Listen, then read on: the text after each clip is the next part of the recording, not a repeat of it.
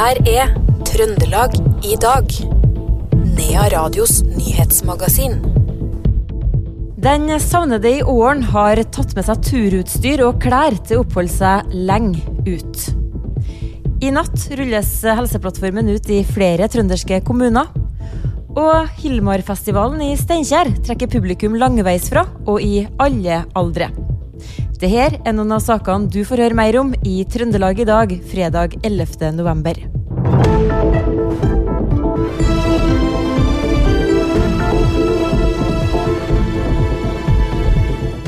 Vi starter i eh, åren, for det er fortsatt ikke noen spor etter den savna mannen i 50-årene som forsvant da han skulle på jobb tirsdag. Søket har pågått for full styrke i hele dag, og politiet etterforsker bl.a. elektroniske spor. Det har så langt ført til at det mest aktuelle søkeområdet er vest for Åren sentrum. Fortsatt er siste sikre observasjon tirsdag morgen. I tillegg til politiet har bl.a. brannvesenet, Røde Kors, Norsk Folkehjelp, Sivilforsvaret, Hovedredningssentralen og lokale frivillige stilt opp for å søke etter den savna mannen. Og etterforskninga viser at den savnede sannsynligvis har tatt med seg turutstyr og klær til å oppholde seg ut over lengre tid. Politiet er kjent med at dette er en fjellvant person. Bodil Morken i Åren sanitetsforening sier at de er forberedt på at søket vil pågå gjennom helga. Du, vi har det litt i bakhugget, det at de eh, visste ikke om de skulle avslutte i dag eller ikke. Så vi har avvente litt, men vi vet allerede at vi har folk til å være ute i messa i hele helgen, og at det ordnes det med mat. Mm, og Så. aksjonen blir jo ikke avblåst, man fortsetter jo å lete. Eh, fordi om kanskje politiet demper litt den store innsatsen? Ja, jeg tror ikke lokale gir seg med det første, nei, og Røde Kors oppi her. Nå er det fredag ettermiddag, klokka er 14.30. Hva er planen videre utover dagen? Eh, du, det blir å være litt i mila og fortsette å ta telefonen og delegere litt hit og dit, så Det sa Bodil Morken i Åren sanitetsforening. Natt til lørdag skal Holtålen kommune sammen med fem andre kommuner og St. Olavs hospital ta i bruk det nye pasientjournalsystemet Helseplattformen.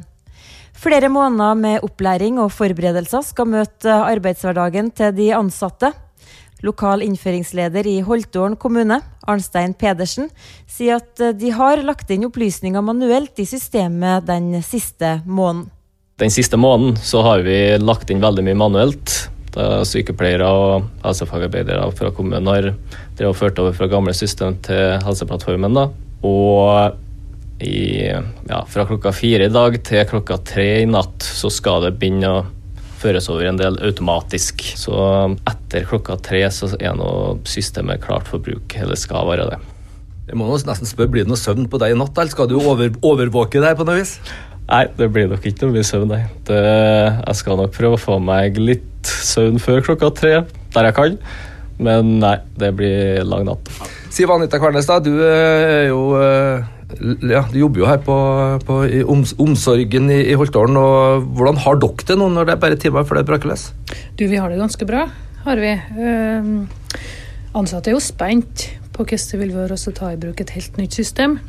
Nå har vi jo fått litt mer kjennskap til det. Som Arnstein sier, så har vi sittet den siste måneden og holdt på å flytte data. Og fått sett litt mer hvordan produksjonsmiljøet fungerer, da, der vi skal begynne å jobbe i det daglige. Så nei, vi har trua, vi. Har vi. Altså, hva er største forskjellen? Altså, hva blir annerledes om mandagen når dere skal virkelig begynne å ta i bruk det her?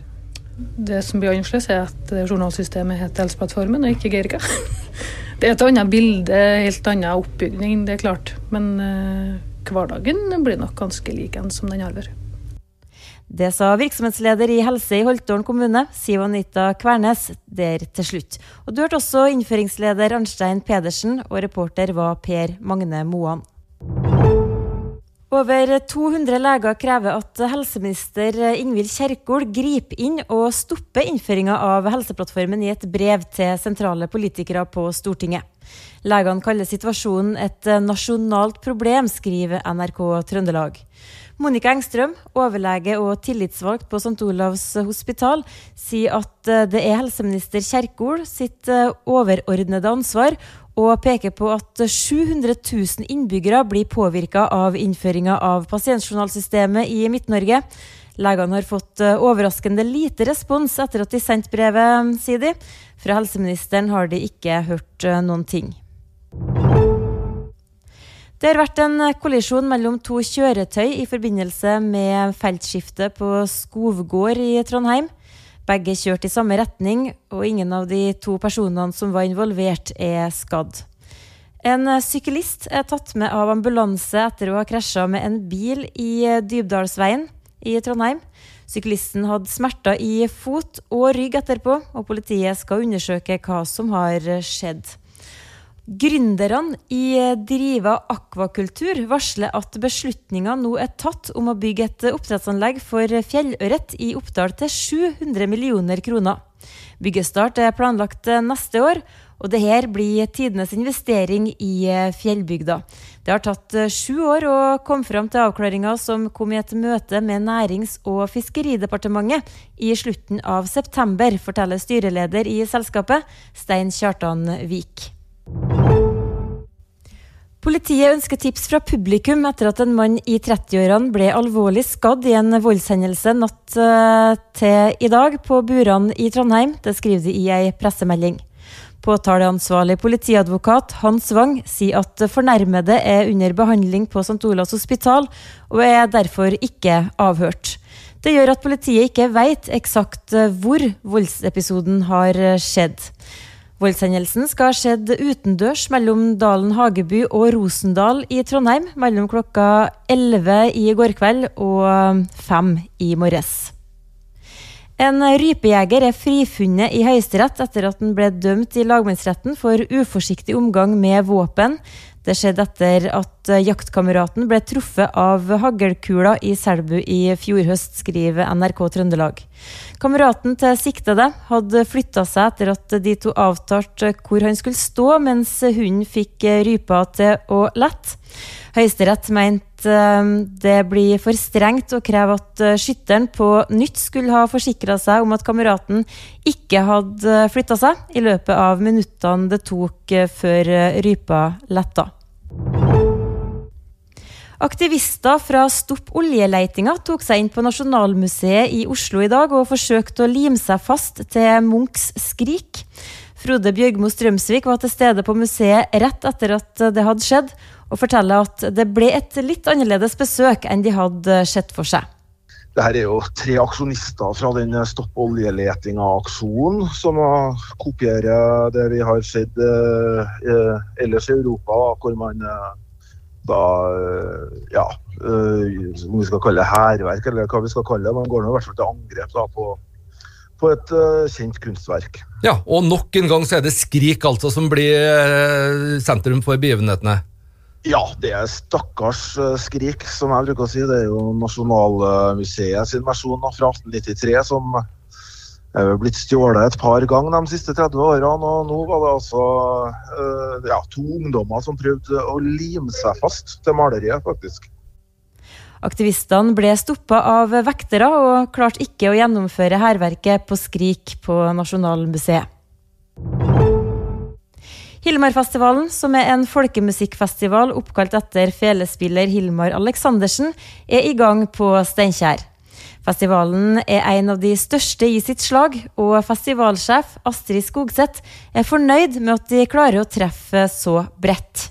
Vi har truffet både familien eh, og vi har truffet eh, den voksne og den unge. Og så har vi truffet både litt smalt og litt eh, bredt med programmet vårt. Så du arva den festivalen her, du. Det er, er, det andre året ditt? Andre året mitt, ja. ja. Mm. Men du, du, sa litt innledningsvis før vi gikk på her at du arva festivalen. Fortell litt om det. Ja, ikke sant. Jeg, Johan Einar Bjerkem er jo gründeren bak Hilmarfestivalen.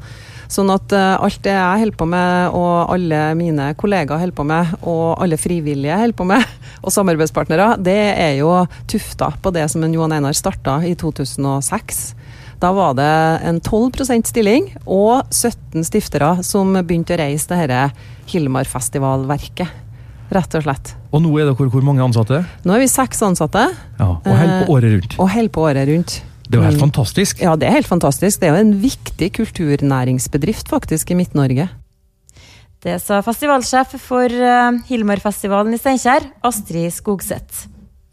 Ingrid Lingås Fossum er kåra til Hilmar-talent for de to neste årene. Fossum vokste opp i Valdres og begynte å spille langleik tidlig i barndommen. I dag studerer hun folkemusikk ved Ole Bull-akademiet, og har det her å si om utmerkelsen. Nei, det er et eh, toårig talentprogram.